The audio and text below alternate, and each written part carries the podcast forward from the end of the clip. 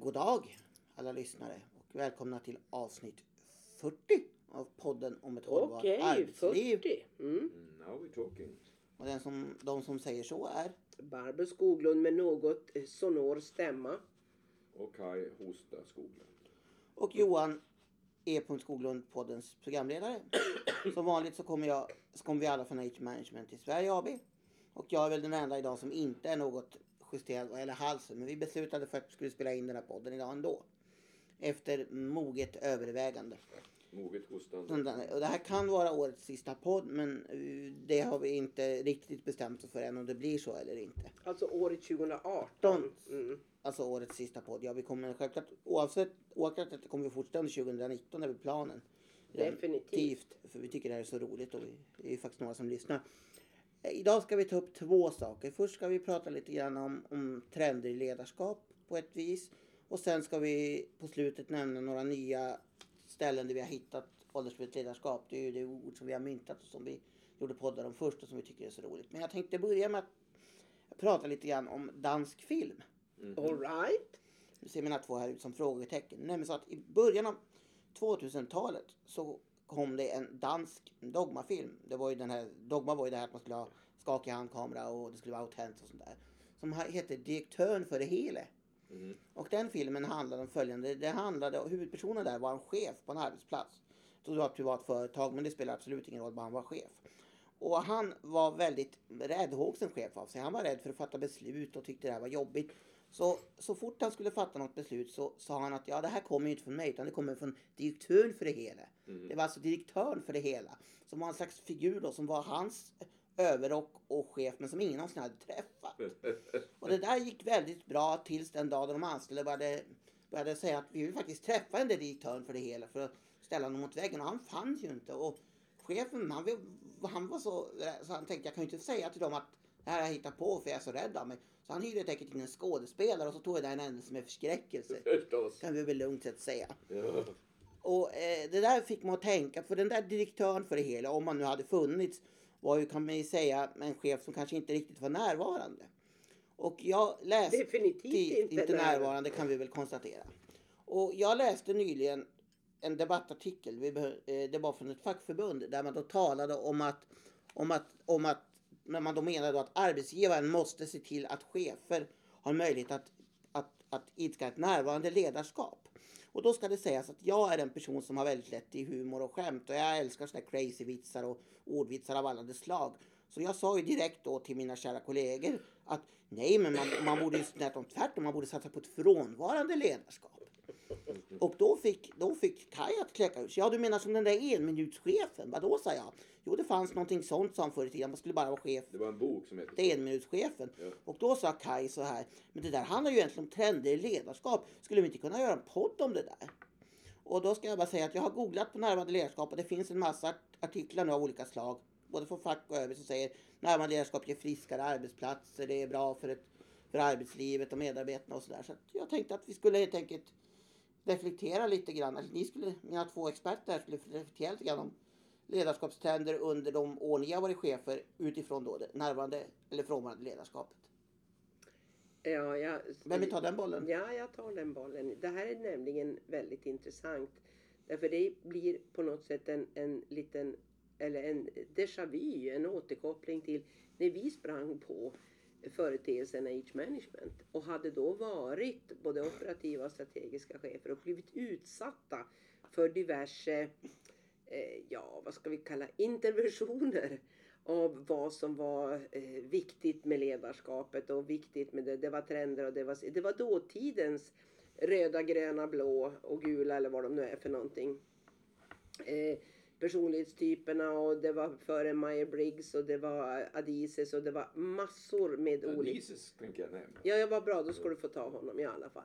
Och, och, eh, och vi hade varit på en hel del både var för sig som chefer på sådana här kurser av olika sorter. Så vi var liksom lite allergiska mot det här om man uttrycker sig så. Det vill säga, det var rätt mycket mambo jumbo. Det var rätt mycket corporate bull mm, snack under de här och, och som hade rätt lite relevans eh, för verkligheten. Sen har det kommit då ännu mer trender. Det som jag, jag vill gärna ta tillbaka då till de här. Alltså vi har tittat på, jo det är väldigt många fackliga organisationer som ly- lyfter fram det närvarande ledarskapet. Och vi vet ju naturligtvis, och det här är ju kopplat då till, man beskriver att man kan inte ha så många som 60, nej. Därför att, och det Så här, som 60. medarbetare. Nej.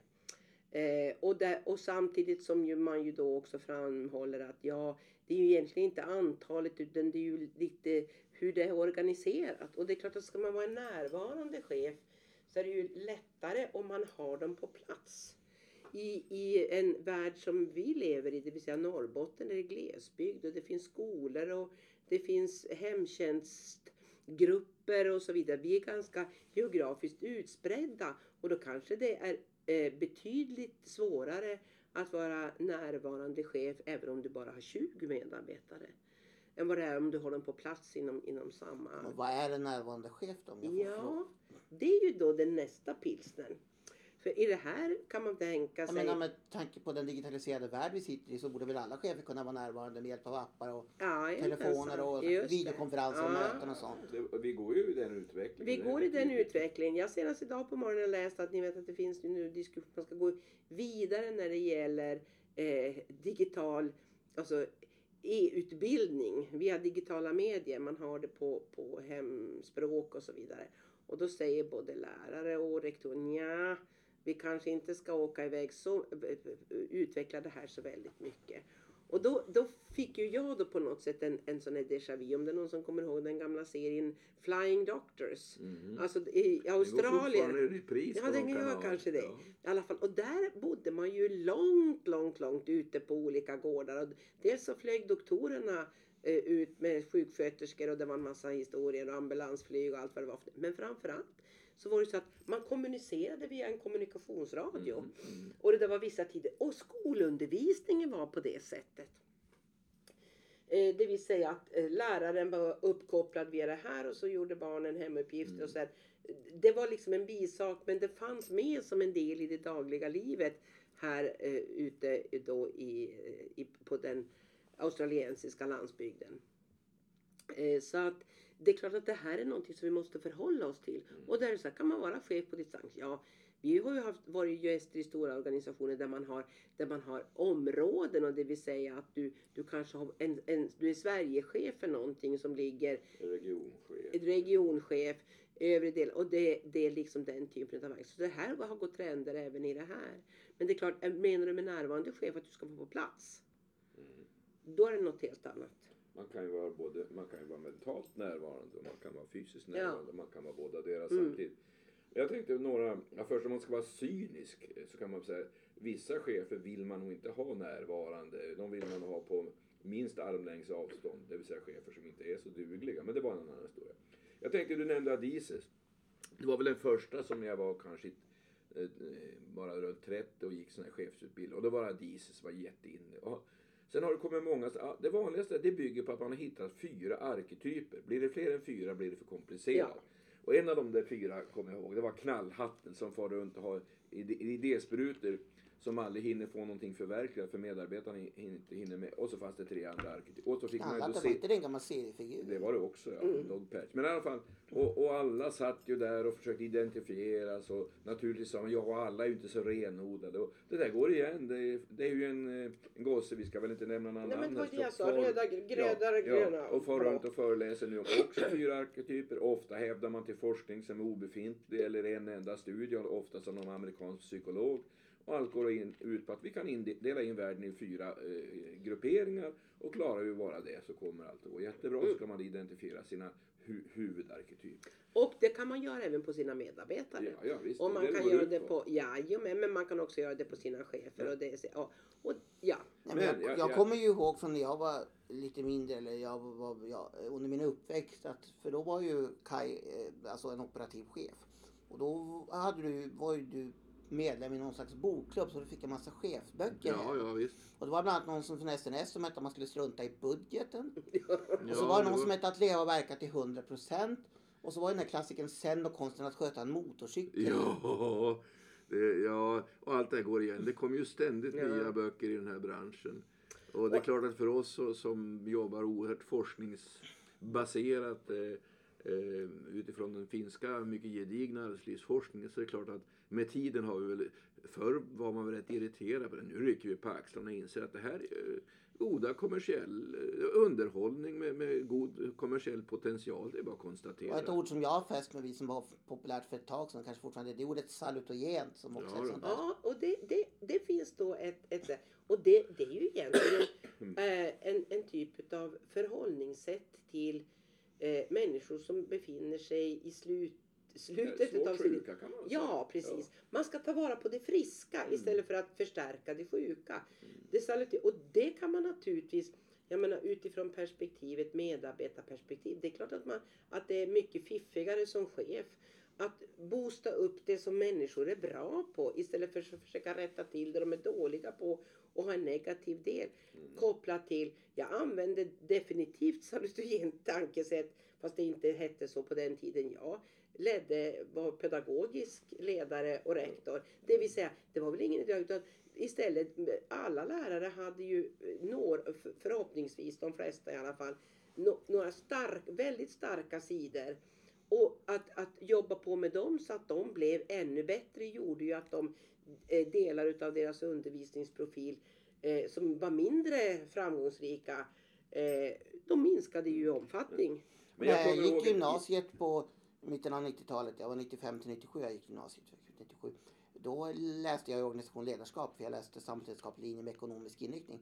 Och då fick vi redan då lära oss om lean som då var någon slags up and coming och som alla nu, eller har blivit en verklig Som handlar om logistik. Ja, vi Ja. fick lära oss inte lean som ledarskap utan vi fick lära oss det som JIT, Just in time och lean, hur man gjorde på Toyota för att kunna bygga bilarna så mest effektivt. Det var inte Men- fråga om ledarskap då. Just Men nu vill jag avsluta med ett exempel på, man kan väl inte säga verksamhetsnära ledarskap rent fysiskt. Ja, Det är väl ett halvår sedan. Närvarande heter det. Vad sa jag? Verksamhetsnära. Ja. Närvarande Ja, ledarskap. men nu kommer vi till poängen. Ja, vad det- härligt. Det är nämligen så att eh, jag läste om, och det har väl varit flera artiklar om det, jag kommer inte ihåg riktigt hur länge sedan det var, med en verksamhetschef som jobbade på Norrlands universitetssjukhus men som flyttade till Australien. Om det var tillfälligt och några år eller Alltså verksamhetschef enligt hälso och sjukvårdslagen i det här Och- fallet. och då det vill man- säga, Och då kom man fram till att hon var så uppskattad som verksamhetschef och det kanske inte fanns någon annan som ville ta över. Så att då bestämde man att hon får vara verksamhetschef på distans från Australien.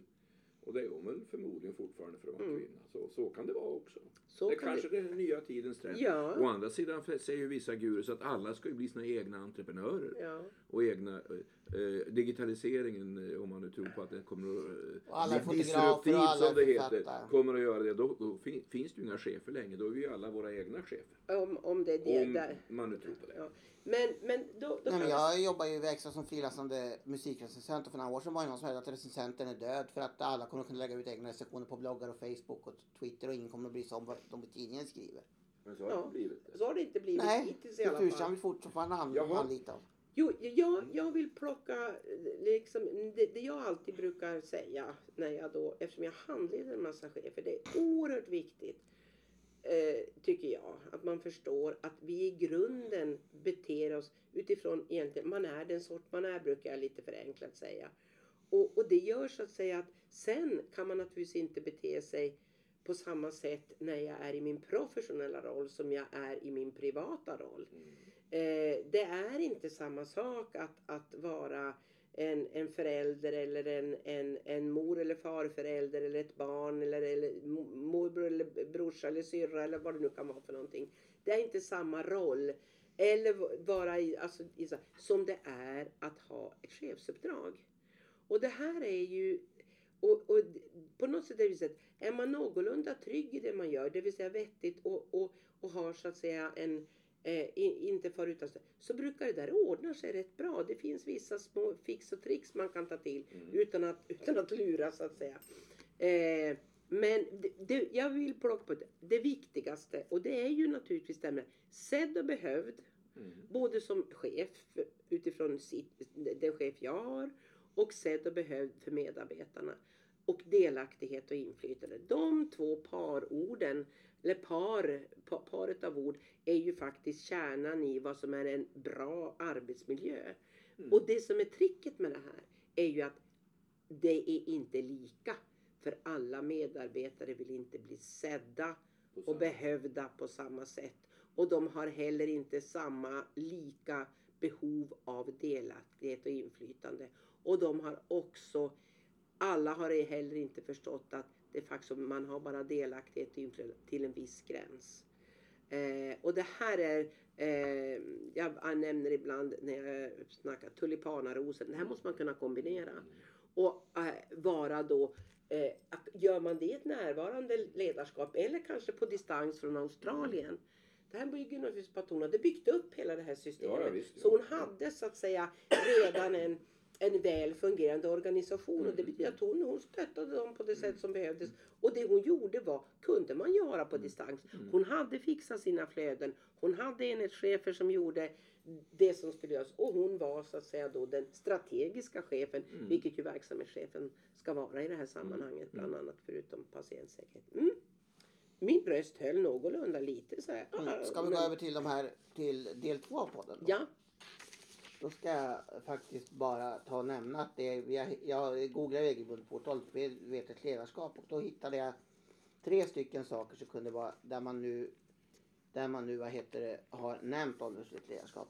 För det första så handlar det om säkerhetsbranschen. Eh, där, där de då har intervjuat en som heter eh, Jonas Mellqvist. Då säger han att, att är, han menar att det är viktigt att ha en åldersmedveten hållning i sitt ledarskap och, nu- och i sin verksamhet. Så han, och där nämns även ord som vi inte brukar använda som ålderism och så där. Men där talar han om detta alltså. Och då undrar man också, också eh, att, och då säger man då att säkerhetsbranschen påstår själva då, säger de här att vi vill satsa på de erfarna så här har vi omvänd åldersdiskriminering att det är svårt för yngre att komma in. Mhm. Det andra vi har hittat är att, man, det är att tidningen Dagens Medicin hade något som heter Sjuksköterskans dag 2018. Under parollen med rätt kompetens och erfarenhet mot framtiden. Och i det programmet då, då hade man klockan 10.00 en universitetslektor vid Göteborgs universitet som heter Rebecka Arman. Arman som pratar under rubriken Åldersmässigt ledarskap, ta tillvara på kompetens. vad härligt. Mm. Och skriver, säger så här, åldersmässigt ledarskap kan få fler att vilja arbeta längre. Hur kan man som organisation behålla och vidareutveckla sjuksköterskor och hur gör man i praktiken för att få fler äldre att Och både kunna och vilja arbeta längre? Hur ska man som organisation utgå från äldres behov, anpassa organisationens förutsättningar som normer, ledning, arbetsmiljö och dagliga arbetsuppgifter? Jag gillar inte ordet anpassa för att det betyder att, man, att det är någonting som utan man måste eh, använda ord som förändra. Du, hur länge fick hon prata?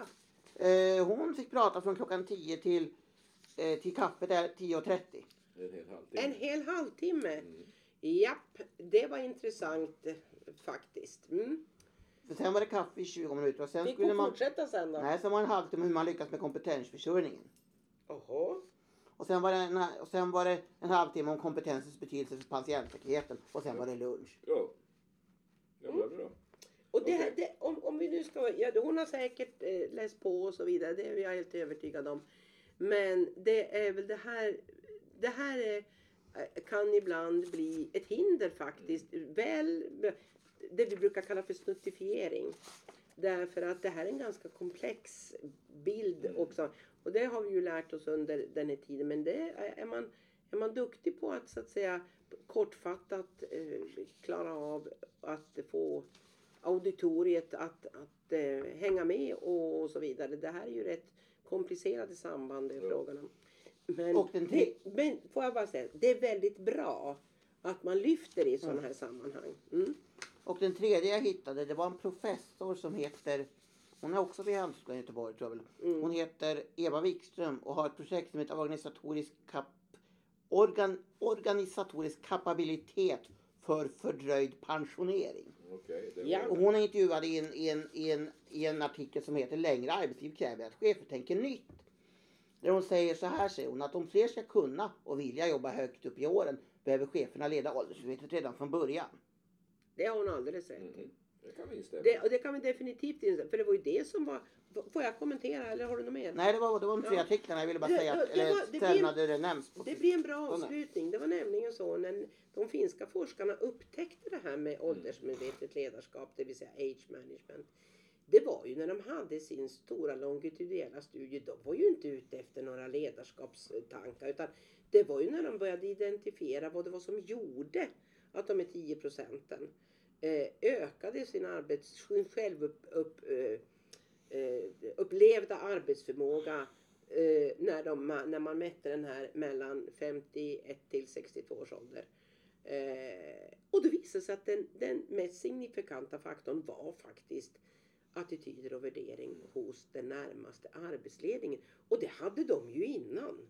Det var ju hur de var som, och det är vi tillbaka till, att det är hur man är som person. Och det, det var det som jag jättegärna avslutar med det. När vi läste det här tänkte ska vi börja liksom mackla med folks hjärnor? Mm. Nej, nyttoperspektivet kör vi på och det har visat sig vara framgångsrikt. Samtidigt och inte lyckades de finska forskarna identifiera fyra arketyper heller. Nej. Och samtidigt var det ett intressant men, reportage på eh, Rapport i lördags. Mm. Just om Finland, att det är så lågt barnafödande så nu måste man satsa på, på på arbetskraftsinvandring för att om 17 mm. år kommer man befolkningen börja minska. För men, de fick sin peak på ökad pensionsålder genom att jobba faktiskt på det här men, sättet. Yes. Nu, jo, då, jag vill avsluta med att säga att vi har ju nyss genomfört en serie telefonintervjuer av kommundirektör och samtliga förvaltningschefer i en kommun i södra Sverige kring det här med åldersmedvetet ledarskap. Vi har även intervjuat några politiker och fackliga företrädare. Och vi kommer då att redovisa det här på ett seminarium i början på nästa år. Och det som vi alltid kan man konstatera att det är väldigt olika förutsättningar till och med inom en organisation. Mm. Det som är väldigt relevant, eh, det här kan vara väldigt relevant i en viss verksamhet men inte alls i en annan. Och det gör det också mycket mer komplext. Det går liksom inte bara att säga nu ska alla vara åldersmedvetna och utöva ett åldersmedvetet ledarskap. Det, det måste, man måste vara någonting som man har, som chef har nytta av. Som ja. alltid brukar säga. Och, därför så, och det, eftersom det är så komplexa samband mellan det ena och det andra så, så är vi, det är ingen quick fix det här. Det har, det har vi sagt sedan vi började för 18 år. Det är ingen quick fix. Det är å andra sidan, men det sitter i hjärnan hos, mm. hos närmaste arbetsledningen. Nu när vi har haft så mycket hosta, jag tror aldrig vi har haft det så långt på det. Vi är nästan uppe i 22 minuter. Oj! Ja, det är rekord. Oj. Så jag tänkte jag skulle avsluta med att ställa en liten fråga till våra lyssnare. Jaha. Inte till oss då? Nej, utan ja, ni kan få svara på den också om ni vill. Men det handlar om det här med närvarande. Jag tänkte om det pågår ett möte och så kan man inte delta i det mötet. Kan man då säga att för närvarande är jag frånvarande? Ja, det var en värdig avslutning. Ja, det är bra. För närvarande är och Om det nu inte skulle bli en till, några fler poddar i år så får vi väl då i förskott passa på att önska alla en god jul och ett gott nytt år. Och Oavsett om de är närvarande eller frånvarande. Ja, och fram, men vi kan börja med ett trevligt första advent. För det är torsdag idag. Och, det, och på söndag är det första advent. Ja, ja. det går fort nu. Mm. Japp. Då, då, då säger vi tack och hej. Tack och hej. Och tack och hej.